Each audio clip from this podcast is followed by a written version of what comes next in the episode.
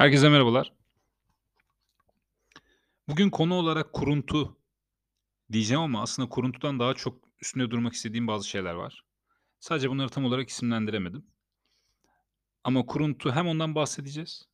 Kısaca olsa da hem de bir hikaye aslında anlatacağım ben. Şimdi bu hikayenin üstünde konuşacağız. Hikayede de bu kuruntu ile ilgili bir yer var aslında. Şimdi bu hikayemiz anladığım kadarıyla gerçek. Ülkemizde geçmiş. Bir türkü varmış. Ben bilmiyordum türküyü.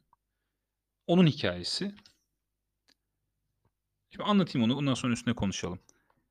Hikayemizde iki tane kadın var. Suna ile Neriman. Bunlar arkadaşlar. Hamama gidiyorlar. Malum hamamda hani çok giyinik olmuyoruz. Neriman Suna'nın sırtına bir ben görüyor. Akşam da eve gidip eşiyle konuşurken yani işte boş boğazlıktır ya. Eşine de bu arkadaşının sırtındaki benden bahsediyor.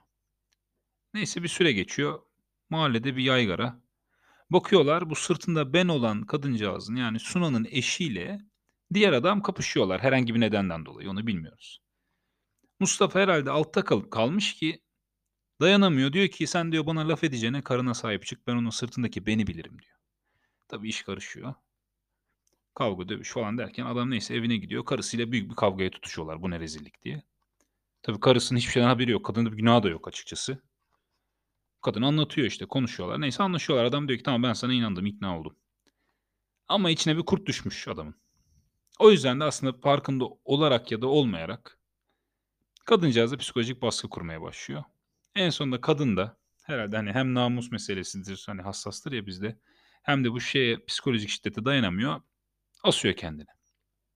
Eşi de bunun üzerine müthiş pişman oluyor. Tabii bir tane türkü yazıyor. Mevzu bu, hikayemiz bu. Şimdi bu hikayeyi neden aslında anlattım? Şöyle başlayalım buna. Hikayeyi ilk duyduğumuzda birçoğumuz şunu yapıyor muhtemelen. Yargılamaya başlıyor hikaye karakterlerini. Mesela ilk olarak Neriman'dan başlıyoruz. Ne vardı anlatıyorsun eşine sen gördüğün şeyleri. Ondan sonra bir adamın, adamın diyorum pardon. Neriman'ın eşine kızıyoruz. Kavga ederken ağzını tutamadın mı kadının günahına girdin. Adamın hakkını karıştırdın diye. Sonra gidiyoruz öteki adama kızıyoruz. Diyoruz ki hani sen niye güvenmiyorsun karına? Hadi madem inanıyorsun neden psikolojik şiddet uyguladın bak kadını öldürdün diye. %90 bence bunu yapıyoruz. Yani birçoğumuz değil ama bence çoğumuz. Peki ne yapabiliriz bunun yerine?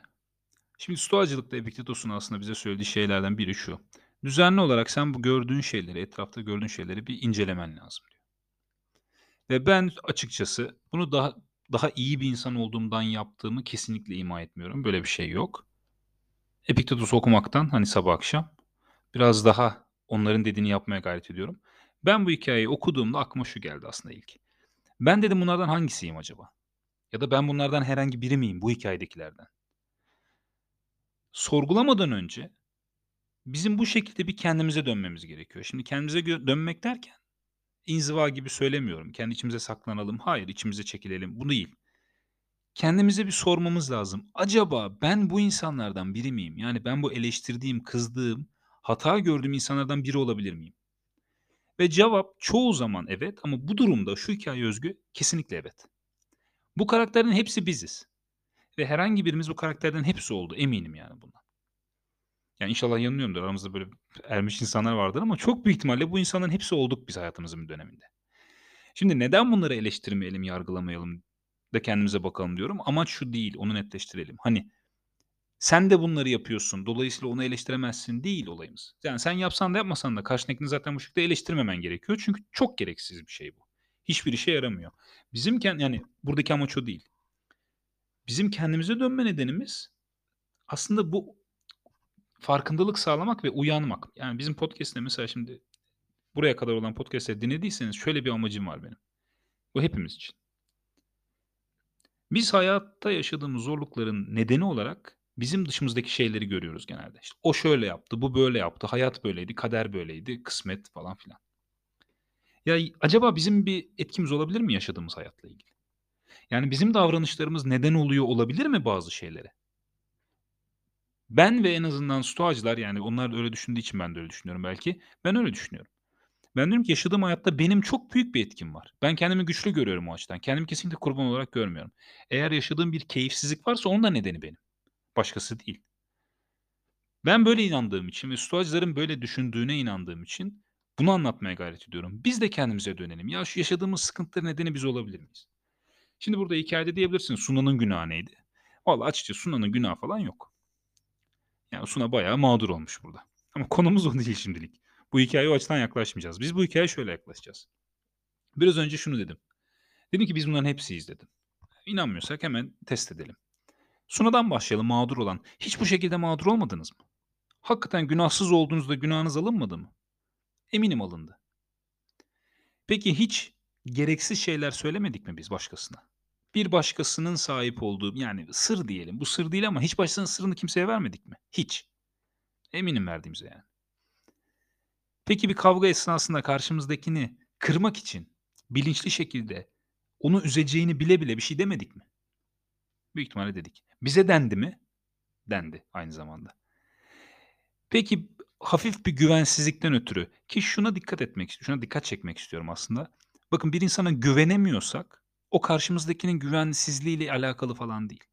Güvenemiyorsak, güvenmiyorsak demiyorum. Güvenmemeyi seçebilirsiniz. Ben sana güvenmiyorum. Sen güvenilir bir insan gibi durmuyorsun dersiniz. Ama güvenemiyorsanız, güvenemiyorsak bizde de bir sorun olabilir. Şimdi şunu demiyorum ki herkese güvenmeliyiz. Hayır, Seneca mesela bundan bahsediyor arkadaşlıkla ilgili.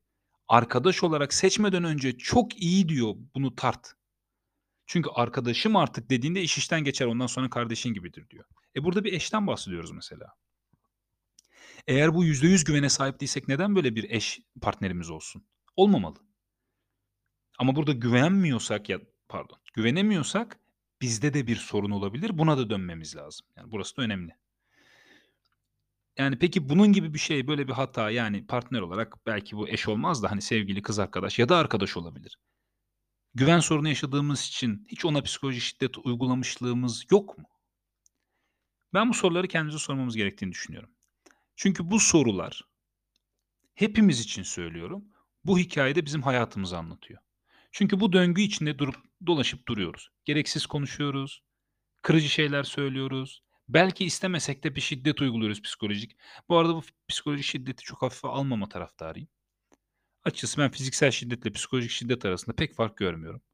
Hatta fiziksel şiddetin acısı hani belki yarası beresi geçer de psikolojik şiddet biraz daha etkili olabiliyor. Dolayısıyla bu hafif bir şey değil.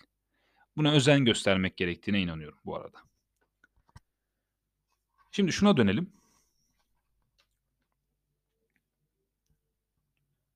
Bu arada şu güvensizlik dedim ama bu kuruntu konusuna da burada girmek lazım. Yani hem güvensizlik hem de kuruntu ettiğimiz şeyler var. Biz kafamızda aslında gerçekleşme ihtimali olmayan, kendi uydurduğumuz bazı korkularımız var ya kafamızda. Bunlardan yola çıkarak da etrafımızdaki insanlara psikolojik uygulayabiliyoruz. Yani o kuruntu olayı aslında burada önemli. Şimdi bu farkındalıktan bahsedeyim yine yeniden. Farkındalık niye önemliydi? Şu yüzden. Biz bunları yapıyor muyuz? Yani dedim ya yapıyoruz. Ama bunun farkına varmak için bizim kendimize bu soruları sormamız lazım. Onun için de bu otomatik olarak yaptığımız bu yargılama işinden artık vazgeçmeliyiz. İlk olarak yargılamayacağız. Yani mümkünse hiç yargılamayalım ama ilk olarak kendimize soru sormayı çalışmamız lazım. Bu bir yine çalışma konusu olabilir aslında. Hani tabiri caizse ödev gibi. Günlük hayatta yaşadığımız ve şöyle mesela ben şöyleyimdir. Önümdeki arabadan sigara hizmeti atarlar. Bir söylenirim. Ne kadar yanlış olduğunu bilirim, biliyorum bu arada bile bile. Ama söylendiğimi fark ettiğim an hemen kendimi durdurmaya çalışıyorum. Şimdi ben atmıyorum yere sigara, ben içmiyorum. Ama tabii şunu söyleyeyim ben sigara içmiyorum zaten. Belki içiyor olsam atardım da. Ama hiç yere çöp atmadım mı? Şüphesiz atmışımdır bu yaşıma kadar. Şimdi atıyor muyum? Hayır. Çok iyi insan olduğum için mi? Hayır o yüzden değil. Ben buna çaba gösterdiğim için. Karşıdaki insan çaba göstermiyor. Onun çevre bilinci benden düşük olabilir. Bizim amacımız iyi bir insan olup etrafa da örnek olmak zaten. E ben nasıl iyi insan olacağım? Kızarak mı? Hayır, çöp atmayarak yere. Şunu demek istiyorum aslında. Bizi hoşnut etmeyen bir eylem gördüğümüzde hoşnutsuzluğumuzu beslemek yerine söylenerek hemen kendimize dönelim. Hatta bunu Markus söylüyor. Tam hatırlamıyorum ama Markus'un böyle bir lafı var. Senin yok mu buna benzer bir eylemin diyor. Muhtemelen var. Peki bizim orada amacımız ne olacak o zaman? Kendimizi geliştirmek. Ben o insanı geliştirmekle uğraşmayacağım. Ben kendimi geliştireceğim. Bir kere hepimiz yani şunu mesela dinleyen atıyorum. Kaç 100 kişiysek yüzümüzde kendimizi geliştirdiğimizde zaten toplumu biraz yukarı çekmeye başlıyoruz yavaş yavaş. Ve bizim etkimiz bir kişiye ise hani burada o meşhur siyasi hesap gibi olmasın o yüzden uzatmayacağım. Yani bir kişi ise 200 kişi oluyor otomatik olarak. Dolayısıyla en önemli şey hatırlarsanız Suacık bize hep şey diyor. Nasıl iyi bir insan olunur bunu anlatma. Sen o insan ol. En güzel öğretim yöntemi o insan olmak. Çünkü insanlar bizi görecek, özenecek. Onlar da bize benzemeye çalışacaklar. Belki gelip soracaklar. O zaman gelişebilir. Çünkü öğrenmek istemiyorsa bir insan öğrenemez. Öğretemezsiniz bir şey yani. Şimdi bu farkındalığın öneminden hani bahsetmeye çalışıyorum burada. Bunları yapıyorsak peki ne olacak? Biz kötü bir insan mıyız? Hayır. Çünkü hepimiz yapmışız zaten eninde sonunda. Önemli olan bir daha yapmamak. Hatta önemli olan bir daha yapmamaya gayret etmek. Çünkü hata insana mahsustur yapabilir. Muhtemelen de hata yapacağız hatta. Hep söylüyoruz hatasız bir insan zaten yok ama hata yapmaya, özür dilerim, hata yapmamaya gayret eden insan olabiliriz. Yani Sokrates olamayız belki ama olmaya çalışabiliriz. Demek istediğimiz bu. E bunu Epiktetus bile söylüyorsa zaten demek ki hata yapılabiliyor gayet. Şimdi bizim ülkemizde malum şikayet etmeyi, eleştirmeyi, yargılamayı, işte tabiri caizse dedikodu yapmayı falan çok seviyoruz. Dolayısıyla bu televizyon zaten böyle, medya böyle. E bizim sosyal çevremiz de böyleyse e bizim de bu tarz yaklaşımları otomatik olarak hani reflekse çevirmiş olma ihtimalimiz çok yüksek. O yüzden böyle bir olay gördüğümüzde direkt yargılıyoruz. Şimdi açıklama getirdim bu bahane değil tabii. Ama bunu bir açıklama bu. Bir nedeni var gerçekten böyle olmamızın. Şimdi biz o nedeni anlarsak başka insanların böyle olmaması için gayret edebiliriz. Nasıl ederiz? Çok başka bir açıdan yaklaşayım. 10 kişi tanıyorsanız etrafınızdaki 10 kişinin hiçbiri kitap okumuyorsa sizin de kitap okuma ihtimaliniz düşüktür. Ama etrafınızdaki 10 kişinin 8 okuyorsa siz de okuyabilirsiniz belki. O ihtimal artar.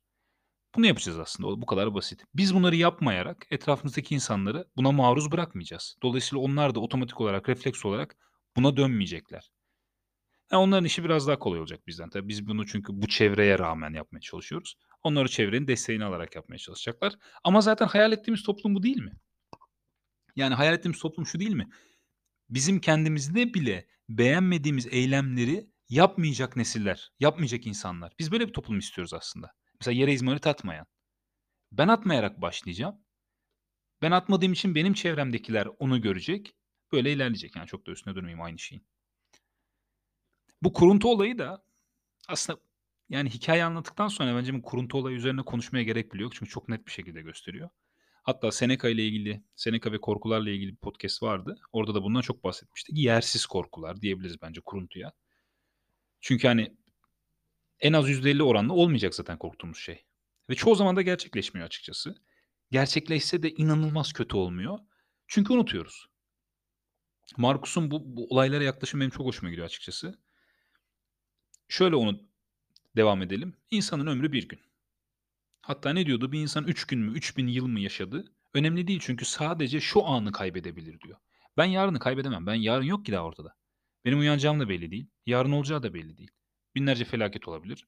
Bütün terslikler üst üste gelebilir. Bunu bilmiyoruz hiçbir zaman. Dün zaten yoktu. Dolayısıyla ben sadece şu ana sahibim. Kaybedersen de bu şu anı kaybedeceğim. Ve bu bilgiyle beraber şunu da biliyorum. Hani biraz böyle karşıt söyleyecek gibi olacak ama değil aslında öyle. Bugüne kadar yaşadığımız şeyler vardı. Canımızı sıkan şeyler vardı. Uykumuzu kaçıran şeyler vardı. Allah aşkına bunları alt alta ezmeye çalışsak hepsini hatırlayabilir misiniz? Hayır. Ama belki bir iki gününüzü yedi sizin bu olay.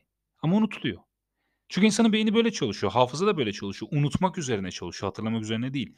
Biz kendi kendimize beslediğimiz için hatırlıyoruz. Canımızı sıkan şeyi 10 günde bir düşünürsek unutmayız tabii. Hatta bu unutma eğrisi diye bir şey var. Gerçekten hafıza, bellek ya da böyle çalışıyor yani. Dolayısıyla biz neye üzüldüğümüzü de unutacağız. Bakın biz neye üzüldüğümüzü unuttuğumuz gibi bizi de unutacaklar zaten. Yani bu olayı böyle büyük resme tepeden bakmaya başladıkça bizim kafamızı yorduğumuz bu kuruntular falan bunlar o kadar minik, o kadar iğne yani ne denir? İğne deliğini doldurmayacak. Öyle mi denir? Öyle şeyler yani. Ama biz bunlara kafa yorarak kendimizi mahvettiğimizi boş verdim. Hadi kendim hadi beni boş veriyorum şu an ama ben etrafımdakilerin de hayatını mahvetmeye başlıyorum. Bu örnek aslında onu gösteriyor. Tamamen yersiz. Hiçbir mantıklı bir dayanağı olmayan bir mevzu var ortada. Biz biliyoruz hikayeyi bildiğimiz için. Ama o insan bu kuruntu yüzünden hem kendi hayatını hem de bir başkasının hayatını mahvediyor. Hatta belki de çocukları varsa çocuğun da hayatı mahvoldu. Dolayısıyla bu kuruntu ne zaman ki şöyle bir kuruntu kafamızda geldi mi bu hikâyeyi hatırlayabiliriz. Şunu diyelim yani, ya bu düşüncem, ya bu kuruntum yersizse çünkü yersizse kaybettikleriniz müthiş. E, kuruntunun da zaten yerlisi olmaz. Çünkü, e, Seneca diyor ya bize, ya eğer bu olay gerçekleştiğinde canın sıkılacaksa, atıyorum 1 ay sonra, e, bari 1 ay sonra canın sıkılsın. Şimdiden neden sıkılmaya başlıyorsun diyor. E, çok mantıklı düşünce. E, bu kadar bu kadar kolay değil gerçekten. Hani uzaktan davulun sesi hoş geliyor. Söylemesi kolay. Ama bunları nasıl kolay hâle getirebiliriz? Bu şekilde besleyerek. Dolayısıyla biz kendimizi bu düşüncelerle beslemeliyiz. Aslında felsefeyle ilgilenme dediği şey Stoacıların bu. Bu fikirlerle, bu düşüncelerle kendimizi doldurmalıyız ki bunları gerçekleştirebilelim. Yani bu tarz eylemler geldiğinde örneğin bizim konumuzla ilgili yargılamak yerine bir so kendimize döneceğiz. Şimdi özetleyeyim ben konuyu, bitirelim. Hikâyeyi baştan anlatmayacağım ama hikâyedeki karakterleri şu an hatırlıyoruz. Şunu şunu unutmayalım lütfen. Bu hikâye aslında hayatın bire bir çok güzel bir örneği ve bu karakterlerin hepsi bizleriz. Bizler ne kadar kendimize dönüp, ne kadar yaptığımız hataları fark edip yapmamaya gayret eder ve yaptığımız hata sayısını azaltırsak sadece kendi hayatımızı değil, bizim bir parçası olduğumuz toplumu da kolektif olarak yükseltmeye başlıyoruz. Çünkü bu toplumu oluşturan bizleriz zaten. Bu toplum bizlerin ilerlemesiyle ilerleyecek. Yani bizden bağımsız bir şey değil. O yüzden bu stoacılığı bireyselcilik gibi düşünmeyelim. Yani, hani, diyorum ya, iyi ve kötü benim yaptıklarımdır. Evet, öyledir ama ben ne kadar iyiysem toplumu da yükseltirim. Çünkü toplum biz bireysel, yani, bireysel insanlardan oluşuyor sonuçta ama bir kolektif, yani. Özet yapayım dedim, çok da toparlayamadım ama ben anlattığıma inanıyorum, yani, olayı burada çözdüğümüze inanıyorum. Bugünlük bu kadar. Kuruntu dedik. Evet, başta tam olarak kuruntudan bahsetmedik aslında ama güzel bir yere geldiğimizi düşünüyorum ben. Teşekkür ederim. Görüşmek üzere.